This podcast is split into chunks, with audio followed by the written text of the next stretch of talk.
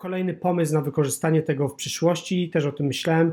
Ostatnio, gdy oglądałem film Czas Mroku, film biograficzny pokazujący pracę Winstona Churchilla, który gdy pisał swoje mowy, chodził albo leżał w łóżku nawet i jego sekretarka zapisywała te treści. Też tak sobie pomyślałem, że kurczę, e, to jest świetny sposób, żeby również tworzyć swoje treści, tak? Zamiast je pisać, siedzieć przy komputerze, to można chodzić, nagrywać sobie audio i potem to wrzucić do Sonixa i poprosić wirtualną asystentkę o korektę i mamy e, super e, treść, która została nagrana w taki naturalny, mówiony sposób. Ona też wbrew pozorom może być o wiele bardziej przyswajalna, gdybyśmy po prostu ją pisali przy komputerze.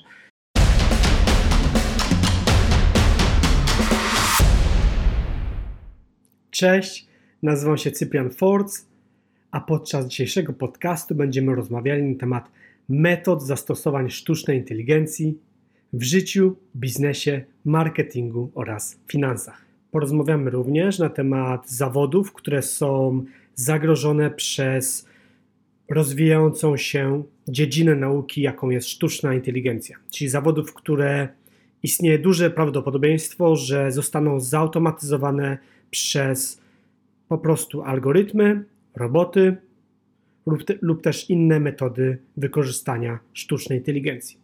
I porozmawiamy również o zawodach, które są bezpieczne, które zawierają w sobie kompetencje, które są bardzo trudne do zastąpienia, do zautomatyzowania przez sztuczną inteligencję i jeśli wykonujemy te zawody, możemy czuć się relatywnie bezpieczni, że po prostu nasz zawód nie zostanie zastąpiony przez jakiś algorytm w ciągu najbliższych 10-15 lat. Zapraszam Ciebie serdecznie na podcast. Popularność sztucznej inteligencji w mediach jest częściowo spowodowana faktem, że ludzie zaczęli używać tego terminu gdy odnoszą się do rzeczy, które nie miały z tym pojęciem nic wspólnego. Dlaczego tak jest? Dlaczego publiczna percepcja sztucznej inteligencji jest tak mglista? Oto parę powodów. Pierwszy z tych powodów odnosi się po prostu do tego, że brak oficjalnie uzgodnionej definicji sztucznej inteligencji. W środowisku naukowym istnieje taki naukowy żart, że sztuczna inteligencja to jest to są po prostu fajne rzeczy, które komputery nie potrafią zrobić. Drugi powód jest to dziedzictwo science fiction. Jeśli oglądałeś w swoim życiu film lub czytałeś książkę, to zapewne spotkałeś się tam z humanoidalnymi robotami, które często wypowiadają swoją opinię, używając zbyt dużo szczegółowych faktów lub e, nieśmiesznych dowcipów, lub podążają śladami Pinokia i zaczynają się zastanawiać, czy mogą stać się e, ludźmi. I trzeci powód, dlaczego tak trudno jest określić, czym jest sztuczna inteligencja, jest po prostu fakt, że trudno nam ludziom wyobrazić sobie, jak niektóre rzeczy, które na co dzień wydają się zupełną normalnością, dla sztucznej inteligencji są czymś niewyobrażalnie skomplikowanym. Dla przykładu, jeśli teraz chwycisz widzisz swojego smartfona gdzieś przed sobą albo w twojej kieszeni, czujesz go, chwytasz go, przenosisz go przed swoją twarz zobacz, ile wykonałeś w tym momencie różnych działań. Tak, po pierwsze, albo wykorzystałeś oczy do zauważenia tego przedmiotu, czyli przeskanowałeś otoczenie, lub też wyczułeś ten przedmiot w swojej kieszeni. Drugie działanie to było, że zorientowałeś się, że jest on do podniesienia, i że jest, czy on jest w ogóle w zasięgu twoich, twoich, że tak powiem, kończyn, więc nie musisz wykonywać działań, żeby przemieścić swoje ciało w przestrzeni 3D. Trzeci krok to dokonałeś wyboru, tak? Dokonałeś wyboru, że albo chwytasz tego iPhone'a, czy ten twój smartfon z twojego biurka, lub też sięgasz do kieszeni, czy musiałeś zorientować się, jaka jest faktycznie istota rzeczy w tym momencie, zaprojektowałeś trajektorię podróżowania Twojej kończyny, aby sięgnąć po ten przedmiot, następnie do, dokonałeś sięgnięcia, czyli poruszyłeś ręką, zacisnąłeś mięśnie swojej dłoni na tym przedmiocie, tak żeby go nie skruszyć. Oczywiście człowiek nie posiada takiej siły w rękach, żeby zgnieść iPhone, ale czy, czy smartfon, ale na przykład sztuczna inteligencja, robot posiada taką siłę, więc musi również dostosować siłę nacisku i następnie po tych wszystkich dopiero krokach przesunąłeś ten przedmiot pod, pod odpowiednim kątem przed swoją twarz, aby móc zobaczyć, co jest na wyświetlaczu. To, co nam się wydaje zupełnie naturalne, proste, w świecie automatyzacji, tworzenia rozwiązań tak zwanej sztucznej inteligencji, zaraz powiem dokładnie czym ona jest, może być niesamowicie skomplikowane. Dlatego, aby prawidłowo używać tego słowa sztuczna inteligencja, warto pamiętać o dwóch terminach. Pierwszy to jest autonomia, czyli zdolność do wykonywania zadań w złożonych środowiskach bez stałego prowadzenia użytkownika, czyli to po prostu musi autonomicznie działać, tak, a nie być prowadzone za każdym razem przez człowieka. I druga rzecz to jest adaptacja, czyli zdolność do poprawy wydajności poprzez uczenie się na podstawie doświadczenia czy zdobywania większej ilości danych. Czyli autonomia, czyli sztuczna inteligencja musi działać autonomicznie i musi również się ad adoptować, czyli musi poprawiać swoją wydajność. Dopiero wtedy możemy mówić profesjonalnie, że coś jest sztuczną inteligencją.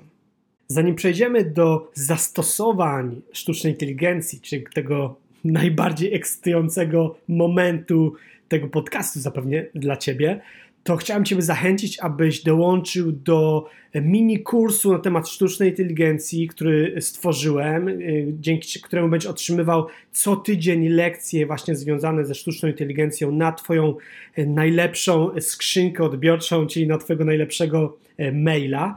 Aby się zapisać, po prostu wejdź na stronę force.me Franciszek Oktawia Robert Cecylia.me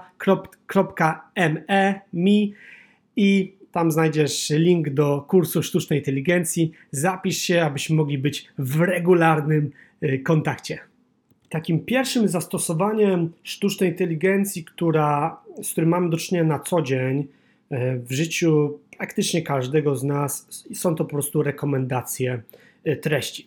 Czyli algorytmy Facebooka, Twittera, YouTube, LinkedIn śledzą to, co czytamy, to, co klikamy, z jaką częstotliwością to robimy i dopasowują treść, którą potem, którą potem nam po prostu wyświetlają, właśnie w oparciu o nasze zaangażowanie. Każdy z tych portali, z tych korporacyjnych, cyfrowych gigantów, jak ich niektórzy określają, ma swoje algorytmy, które w odpowiedni sposób stymulują swoich odbiorców do tego, aby spędzali na tych portalach jak najwięcej czasu. Kolejnym zastosowaniem, które staje się coraz bardziej zaawansowane i widać niesamowity rozwój w tym kierunku, są samochody samojezdne. E, parę lat temu e, samochody elektryczne, które zostały stworzone przez, przez Tesla, były wielką innowacją. Teraz już na ulicach zauważamy e, te samochody elektryczne z charakterystycznymi lekko zielonkowymi rejestracjami. Stają się one coraz bardziej popularne. I następnym krokiem jest to aby stały się one również samojezdne, autonomiczne. E, Tesla jest oczywiście liderem w zakresie stworzenia tych rozwiązań, dlatego że ma najlepszych inżynierów i też najdłużej pracują nad takimi rozwiązaniami. W Stanach Zjednoczonych już wiele lat temu e, były pokaza pokazane nagrania kierowców, którzy jadąc na autostradzie śpią albo oglądają filmy a w, myślę, że w ciągu najbliższych lat również takie samochody zaczną jeździć po Europie. Tutaj oczywiście jest e, większe ryzyko tworzenia takich e, samochodów, ponieważ no, nasze e, ulice są mniej zorganizowane, jest więcej jakichś kruczków związanych ze znakami drogowymi, z, ze skomplikowanością tego całego systemu komunikacji ale przyszłość należy do samochodów samojezdnych i wraz z rozwojem algorytmów, które dbają o bezpieczeństwo, lepiej sobie radzą w sytuacjach krytycznych, będziemy coraz więcej widzieć samochodów elektrycznych, samochodów samojezdnych. W zeszłym tygodniu słuchałem bardzo interesującego wywiadu z Elonem Muskiem przeprowadzonym przez Sandy Munro. Właśnie rozmawiali na temat algorytmu, który steruje tym autonomicznym samochodem. Między innymi o tym, co zrobić, gdy na przykład trajektoria jazdy jest obierana na podstawie pasów. A zdarzają się wy, wypadki, przykłady, kiedy te pasy są źle namalowane. E, I Musk bardzo fajnie odpowiedział, że bez względu na to, co się dzieje na tej drodze, czy jakieś ekstremalne warunki atmosferyczne, czy nawet ląduje UFO na środku autostrady, taka najważniejsza funkcja całego systemu prowadzenia samochodu autonomicznego jest to nie uderzyć, e, czyli uniknąć wypadku. Czyli bez względu na błędy spowodowane przez osoby trzecie, e, samochód ma za wszelką cenę uniknąć zderzenia. Też na YouTubie można znaleźć interesujące wideo, gdy test, jadąca Tesla na autopilocie alarmuje kierowcę, że za moment dojdzie do wypadku samochodu, który jedzie przed Teslą, ponieważ kamera śledzi szybkość poruszania się samochodów y, przed nią, czyli zarówno samochodu tego, który jest bezpośrednio przed Teslą, jak również samochodu, który jest przed tym samochodem.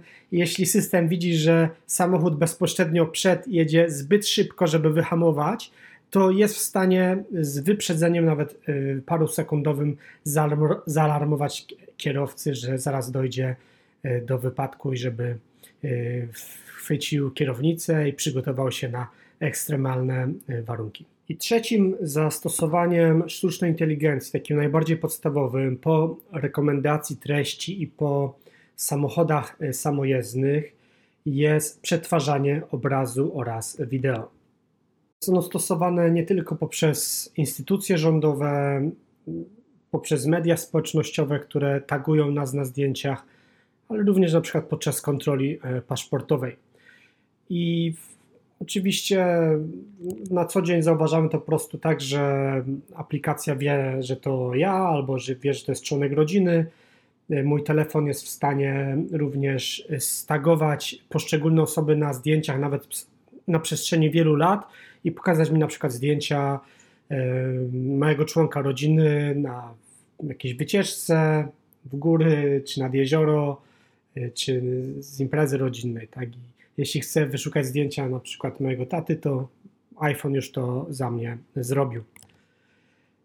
Inną ciekawą, ciekawym zastosowaniem, już takim typowo rozrywkowym, są aplikacje, które są w stanie też przy wykorzystaniu metod sztucznej inteligencji przerobić nasze zdjęcie, aby wyglądało tak, jakby je namalował Vincent Van Gogh, albo aby było wpasowane w motyw filmu Avengers czy Władca Pierścieni. Jedną z takich aplikacji, która jest w stanie właśnie przerobić nasze zdjęcie, aby wyglądało jak było namalowane przez Vincenta Van Gogha, jest Google Art and Culture. Jak mam być szczery, pobawiłem się tą aplikacją przez 5 minut i szału nie ma. E, aplikacja faktycznie przerobiła moje zdjęcie, stosując charakterystyczne metody tworzenia sztuki dla tego malarza. Jednak dla mnie to nie było jakieś mocno estetyczne i przekonujące. Także ciekawostka, coś fajnego, ale do dopracowania. Natomiast to, co mnie absolutnie szokuje, jeśli chodzi o możliwości przetwarzania obrazów, i dźwięków to jest możliwość tworzenia deepfake'ów.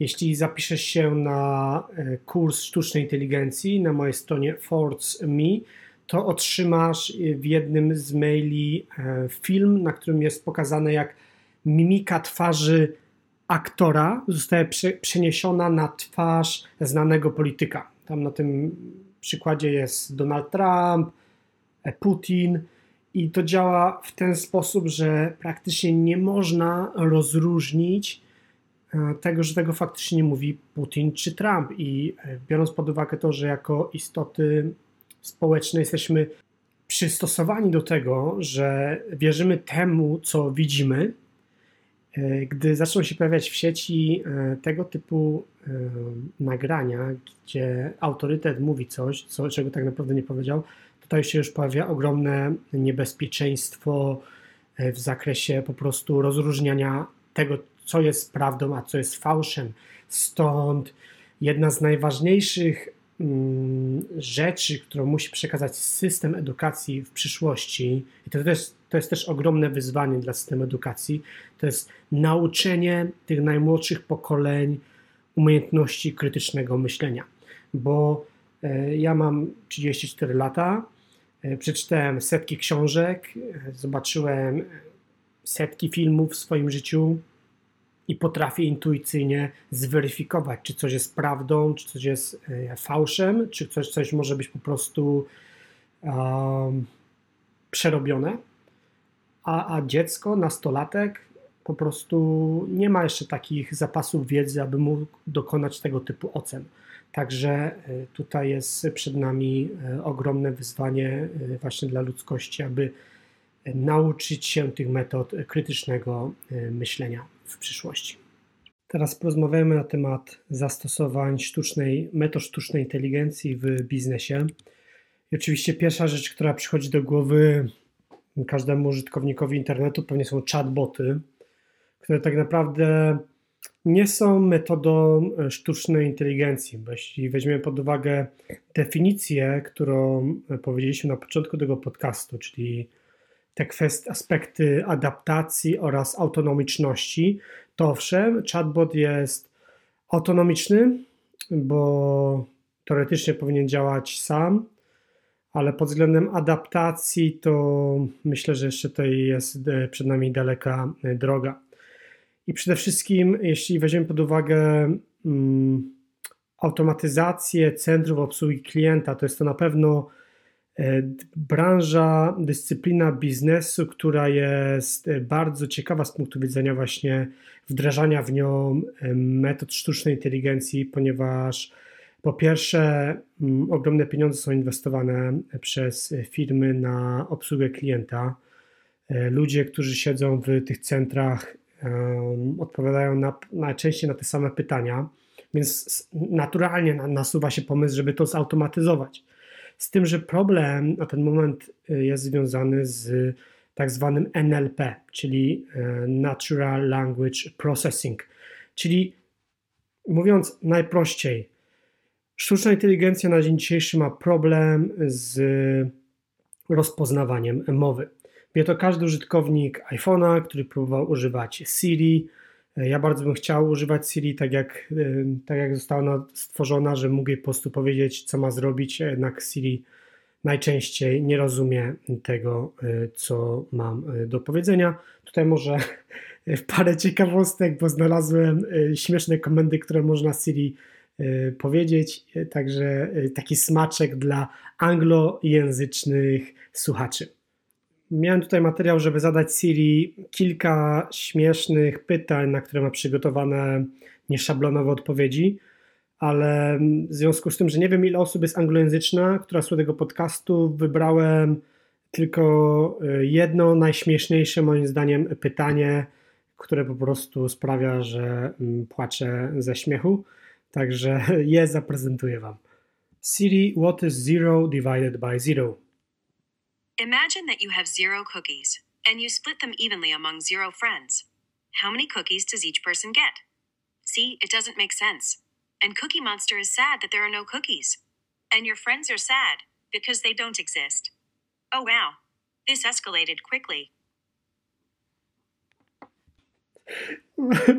Bawi mnie to za każdym razem, jak tego odsłuchuję.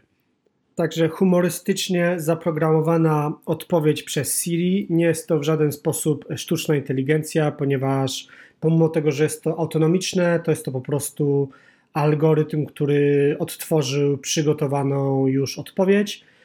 E, I zastanówmy się, w jaki sposób wykorzystać prawdziwe metody sztucznej inteligencji w swoim biznesie. Także podam teraz y, trzy przykłady, które stosuję i które na pewno działają. Jeszcze dwa przykłady użycia metod sztucznej inteligencji w biznesie są związane z Facebookiem i z reklamami na Facebooku.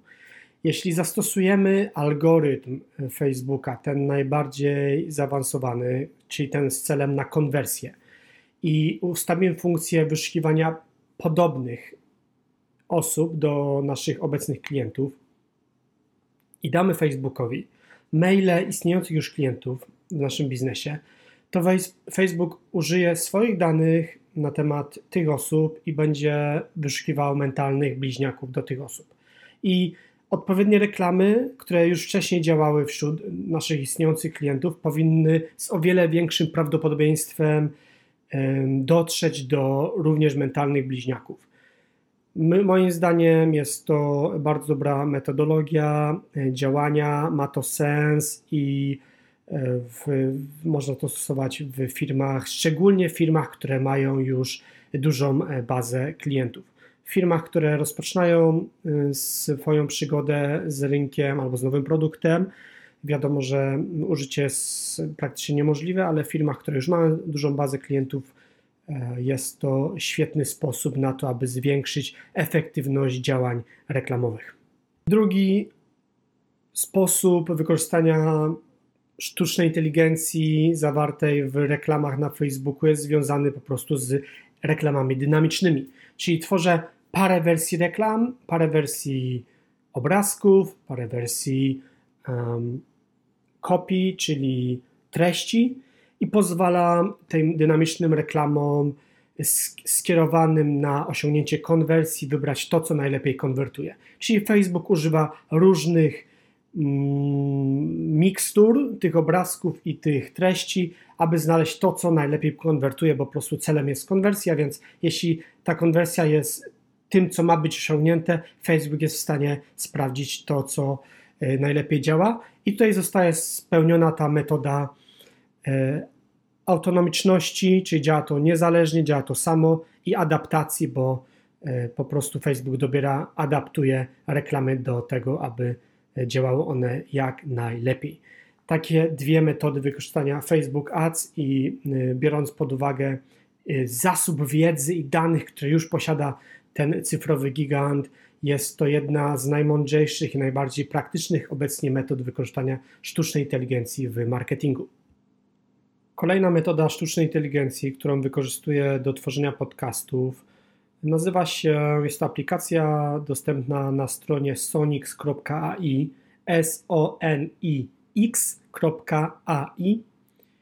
i jest to aplikacja, która tworzy automatyczne transkrypcje, czyli po prostu wrzucam nagranie audio podcastu i w ciągu paru minut otrzymuję treść, transkrypcję, którą potem umieszczam na stronie. Jest to tyle przydatne, że jeśli wrzucę treść podcastu na stronę, to zostaje ona wyszukana przez wyszukiwarkę Google, dzięki czemu, gdy ktoś potem wyszukuje w google.com albo google.pl fraz, które znalazły się w moim podcaście, ma o wiele większą szansę znaleźć mój podcast. Jest to prosta metoda zwiększenia swoich zasięgów, organicznych. Normalnie, gdybym zapłacił wirtualnej asystentce za stworzenie takiej transkrypcji, by to kosztowało od 200 do 300 zł za godzinę. Sonix AI kosztuje 40 zł za godzinę, ponieważ język polski jest niestety językiem bardzo skomplikowanym, jest w nim dużo mm, wyjątków. Tą transkrypcję stworzoną przez Sonix wysyłam do korekty wirtualnej asystentki. I coś takiego kosztuje mnie około 60 zł, więc w sumie za godzinę transkrypcji płacę 100 zł, a nie 200 albo 300.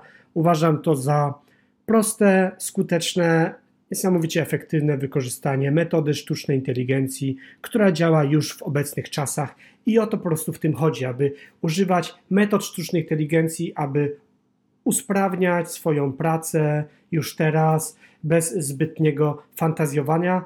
Y, dla mnie to działa po prostu y, bardzo, bardzo dobrze i y, polecam to wszystkim osobom, które na przykład wolą mówić i na przykład dopiero potem pisać. To też jest kolejny pomysł na wykorzystanie tego w przyszłości, też o tym myślałem. Ostatnio, gdy oglądałem film Czas Mroku, film e, biograficzny pokazujący e, pracę Winstona Churchilla, który gdy pisał swoje mowy, chodził albo leżał w łóżku nawet i jego sekretarka zapisywała te treści. Też tak sobie pomyślałem, że kurczę, E, to jest świetny sposób, żeby również tworzyć swoje treści, tak? Zamiast je pisać, siedzieć przy komputerze, to można chodzić, nagrywać sobie audio i potem to wrzucić do Sonixa i poprosić wirtualną asystentkę o korektę i mamy e, super e, treść, która została nagrana w taki naturalny, mówiony sposób. Ona też wbrew pozorom może być o wiele bardziej przyswajalna, gdybyśmy po prostu ją pisali przy komputerze. E, znam, znam osobiście kolegę, który e, już parę lat temu to stosował przy pisaniu wniosków unijnych. Po prostu nagrywał mm, to przy użyciu, przy użyciu dyktafonu iPhone, który zapisywał to, co mówił w, w postaci notatki. I dzięki temu mógł o wiele łatwiej tworzyć te wnioski pracował w dużej firmie, więc trochę tych treści musiał tworzyć, ale świetny sposób, bo jak każdy wie, kto pracował przy wnioskach unijnych, często powtarzamy te same informacje, często jest to żmudna praca, a on bardzo fajnie to obszedł, po prostu zamieniał język mówiony na język pisany, wykonywał swoją pracę, a na pewno y, płynęła ona mu w o wiele przyjemnej, w przyjemniejszej formie. W sumie warto, aby też użyć Sonix AI i wirtualnej asystentki potem do korekty, aby tworzyć swoje profesjonalne e, treści. Oczywiście trzeba się wcześniej do nich przygotować, warto stworzyć jakiś konspekt, jakieś e, dane liczbowe również, aby to, to było mięso. E, może nie zawsze musi być to hard mięso, które jest po prostu najlepszą treścią na świecie, ale żeby to po prostu była naprawdę dobra treść, która daje wartość naszym słuchaczom czy też czytelnikom. I tutaj również ponownie zapraszam Ciebie, abyś dołączył do kursu na temat sztucznej inteligencji na mojej stronie fords.me ukośnik SI, albo po prostu wejść na stronę główną. Na stronie głównej jest link do tego kursu, dlatego że podczas tego kursu będę dzielił się również bardziej zaawansowanymi metodami wykorzystania i stosowania sztucznej inteligencji w życiu oraz biznesie. To, o czym tutaj mówimy na tym podcaście, jest to E, wierzchołek góry lodowej. Nie wszystko mogę pokazać, tak naprawdę mogę tylko opowiedzieć o tym, co jest najprostsze, a żeby to naprawdę zastosować, to trzeba to też często pokazać na ekranie monitora, także warto dołączyć do tego kursu. Jeśli chodzi o zastosowanie metod sztucznej inteligencji na rynku finansowym, to mam cytat z książki Homo Deus, autor Yuval Noah Harari, którego jestem olbrzymim fanem. Tutaj pozwolę sobie po prostu przeczytać to z tej książki. Większość handlu na rynkach finansowych obsługują już dzisiaj algorytmy komputerowe, które mogą przetworzyć więcej danych w ciągu sekundy niż człowiek w ciągu roku i potrafią reagować na dane znacznie szybciej niż człowiek potrafi mrugnąć. 23 kwietnia 2013 roku Syryjscy hakerzy włamali się na oficjalne konto agencji Associated Press na Twitterze. O 13.07 napisali tweeta, że zaatakowano Biały Dom i prezydent Obama jest ranny. Obsługujące handel algorytmy, które nieustannie monitorują aktualne wiadomości, zareagowały na to bezzwłocznie i zaczęły sprzedawać jak szalone. Indeks Dow Jones poleciał na łeb na szyję i w ciągu 60 sekund spadł o 150 punktów, co odpowiada stracie 136 miliardów dolarów. O 13.10 agencja Associated Press wyjaśniła, że tamten tweet to był głupi kawał. Algorytmy wrzuciły wsteczny bieg i o 13.13 Dow Jones odrobił prawie wszystkie straty. Na podstawie tej historii łatwo jest zrozumieć, że z jednej strony Algorytm jest szybszy, szybszy, szybciej reaguje niż człowiek. Może przetwarzać więcej informacji, ale jednak nie posiada tej świadomości, tej intuicji. Nie potrafi, nie posiada umiejętności krytycznego myślenia i nie potrafi przewidzieć, że coś może być głupim żartem, atakiem hakerskim, terrorystycznym, jakąś formą manipulacji. Dlatego wszystkie osoby, które chcą stosować metody sztucznej inteligencji w inwestycjach, warto, aby inwestowały tylko 10, 20, 30% swoich funduszy, które są w stanie stracić. dlatego że ryzyko przy użyciu tego typu metod jest cały czas e, bardzo duże, tym bardziej jeśli weźmiemy pod uwagę jakieś lewarowanie. I zakończę ten temat stosowania sztucznej inteligencji w świecie finansów kolejną historią, która miała miejsce 3 lata wcześniej, 6 maja 2010 roku. Nowojorska giełda papierów wartościowych doznała jeszcze silniejszego wstrząsu. W ciągu 5 minut od 14.42 do 14.47 Dow Jones spadł o 1000 punktów, wymazując bilion dolarów. Potem odbił w górę, wracając do poziomu sprzed krachu w czasie mniej, niewiele dłuższym niż 3 minut. To właśnie się dzieje, kiedy powierzymy swoje pieniądze super szybkim programom komputerowym. Od tamtego czasu i wypadku eksperci cały czas starają się zrozumieć, co się wydarzyło w czasie tak, tak zwanego flash crash, czyli gwałtownego krachu. Wiedzą, że winne są algorytmy, ale nadal nie są całkiem pewni, co poszło źle. Część traderów w Stanach Zjednoczonych złożyła już pozwy przeciwko handlowi algorytmicznemu, twierdząc, że niesłusznie dyskryminują ludzi, którzy po prostu nie potrafią reagować wystarczająco szybko, by z nimi konkurować. Spieranie się o szczegóły i wykazywanie, czy w rzeczywistości stanowi to naruszenie prawa, może zapewnić adwokatom mnóstwo pracy i wysokie honoraria. Więc na pewno w tym przypadku zarabia na tym ktoś, niekoniecznie traderzy, ale ludzie zajmujący się prawem. Dalszy temat zastosowania metod sztucznej inteligencji w świecie finansów będziemy eksplorować podczas kursu dostępnym na mojej stronie force.me.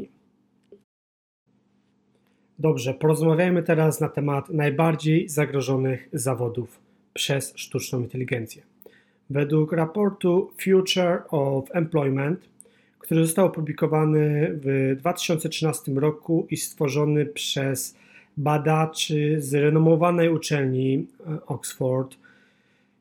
Te zawody to. Wybrałem, tych zawodów jest w tym raporcie kilkaset, jeśli nawet nie powyżej tysiąca, ale wybrałem te najbardziej zagrożone, których prawdopodobieństwo e, po prostu, że one przestaną istnieć, wynosi powyżej 95%. I wiele z tych zawodów ciężko przetłumaczyć na język polski, także e, wybrałem te, które prostu łatwo je było przetłumaczyć i aby też y, nie chodzi o to, żeby dokładnie podawać szczegółowe nazwy, tylko żeby naświetlić, jakie obszary biznesu są po prostu najbardziej zagrożone przez sztuczną inteligencję. Tutaj teraz podaję wybrane zawody. Telemarketerzy, krawcy, agenci ubezpieczeniowi, technicy matematyczni, zegarmistrze, urzędnicy maklerscy, urzędnicy przetra prze przetrawiający, przepuszczający jakieś zamówienia, piekarze, kelnerzy, kasjerzy, sędziowie sportowi. Jak widać po tych zawodach, są to często zawody, które zawierają w sobie wąski zakres kompetencji. Również pochodzą tylko z jednej branży, czyli łatwo jest opisać te zawody w jakimś schemacie od A do Z, jakiś łańcuch przyczynowo-skutkowy, stworzyć na podstawie tego algorytm i zlecić maszynie, aby wykonywała to samo za o wiele niższe pieniądze. E, nawet e, w, przy, nawet w przypadku takiego telemarketera, który siedzi przy komputerze i, i mówi do mikrofonu, to można zastosować algorytm, który nawet nie będzie miał ciała fizycznego, tak? tylko będzie działał, będzie działał jako software, czyli jakiś algorytm, który działa tylko i wyłącznie na komputerze i proszę sobie wyobrazić, jakie to niesie z sobą konsekwencje w zakresie oszczędności. Zamiast człowieka, który codziennie przychodzi do pracy, któremu trzeba stworzyć miejsce tej pracy, za którego trzeba płacić składkę na ubezpieczenie zdrowotne. Czyli zamiast tego wszystkiego, rozwiązywania tych wszystkich problemów związanych z infrastrukturą, z administracją, mamy tylko algorytm, program, który działa na dysku twardym, który wykonuje tą samą pracę. Wiem, że być może teraz to jest trudne do wyobrażenia, ale już na YouTube jest dostępna prezentacja rozwiązania Google, która automatyzuje proces bukowania stolika w restauracji, czyli rezerwacji stolika w restauracji. I algorytm, ta sztuczna inteligencja jest do tego stopnia dopracowana, że nawet mówi y i e, tak żeby imitować człowieka. No, zrobili badania i ogólnie działało to do, prawie że perfekcyjnie. Żaden z klientów nie zauważał, że rozmawia z algorytmem. I oglądałem ten film bodajże dwa lata temu na YouTube, więc e, nie trudno. Myślę, że to jest tylko kwestia czasu, gdy tego typu zawody związane właśnie z obsługą klienta zostaną zastąpione przez algorytmy. I żeby zakończyć czymś pozytywnym ten podcast, porozmawiamy o zawodach, które są bezpieczne, które e, bardzo trudno będzie zastąpić przez metody sztucznej inteligencji. I tutaj parę przykładów. Terapeuci rekreacyjni, kierownicy pierwszej linii mechaników, instalatorów, serwisantów, dyrektorzy zarządzania kryzysowego, audiolodzy, terapeuci, ortopedzi, protetycy, pracownicy socjalni opieki zdrowotnej, chirurdzy jamy, jamy ustnej i szczękowej, inspektorzy pierwszej linii pracowników przeciwpożarowych i prewencyjnych, dietetycy, menadżerowie lobby, choreografowie, inżynierowie sprzedaży, lekarze i chirurdzy. Czyli wszystkie zawody związane z albo pracą międzyludzką, czyli komunikacją, gdzie jest potrzebny drugi człowiek, ciepło drugiego człowieka, zrozumienie, empatia.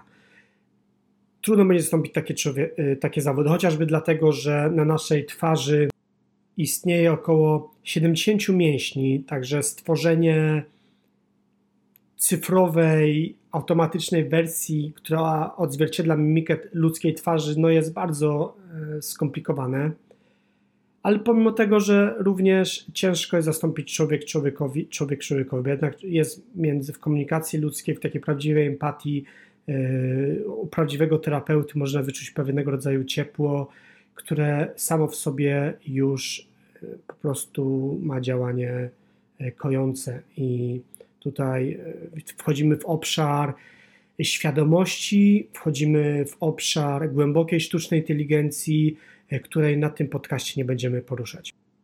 Na pewno wśród tych wymienionych zawodów również warto zwrócić na takie stanowiska kierownik pierwszej linii mechaników, instalatorów i serwisantów.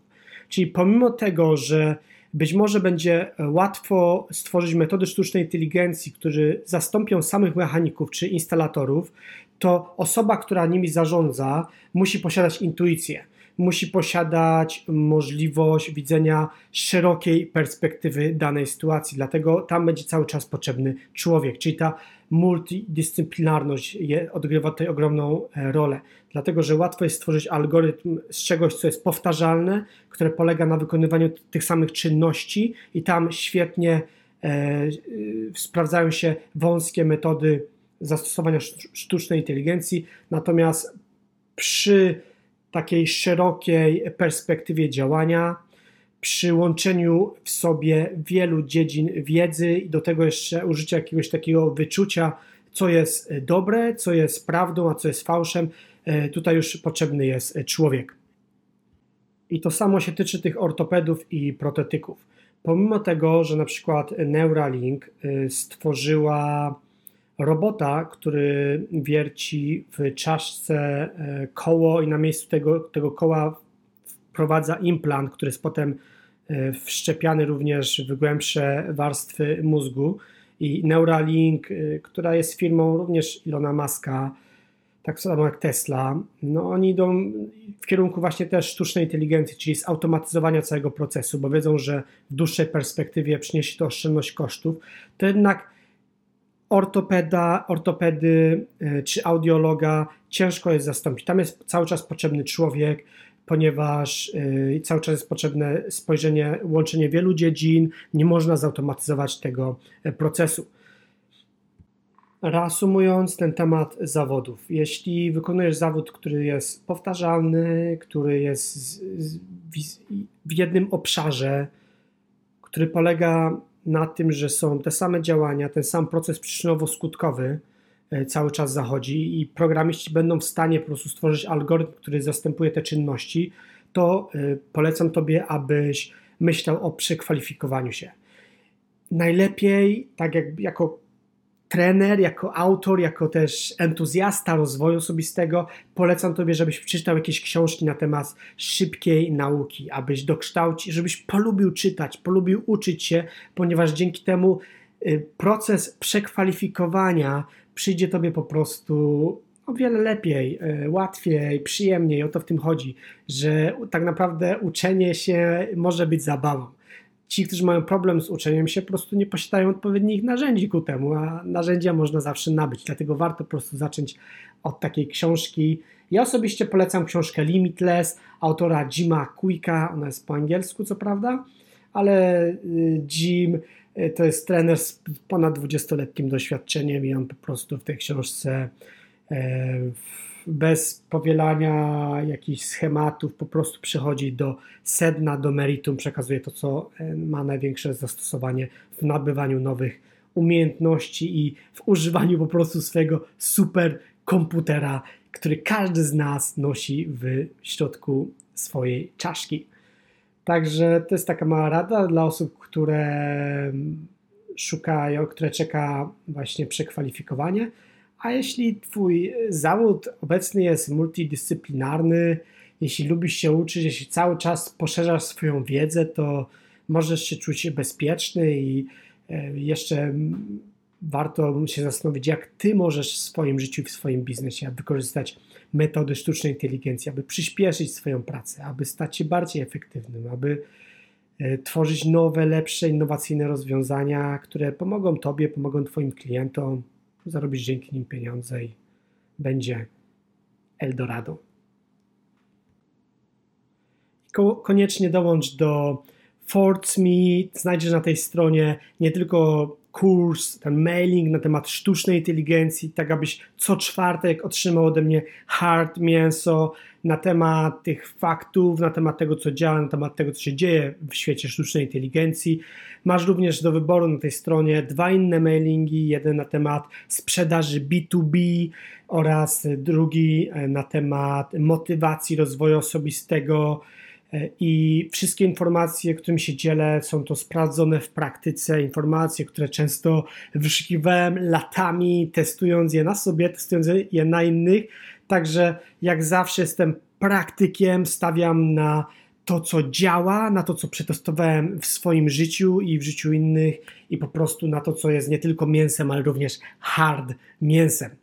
Także dołącz, gdzie możesz, subskrybuj i pamiętaj, że nadchodzi nowy odcinek podcastu o sztucznej inteligencji. Będziemy rozmawiać na temat głębokiej sztucznej inteligencji, na temat e, świadomości, na temat robotyki, na temat kolejnych zastosowań bardziej zaawansowanych sztucznej inteligencji w życiu i biznesie. Dzięki za Twoją uwagę i jesteśmy w kontakcie.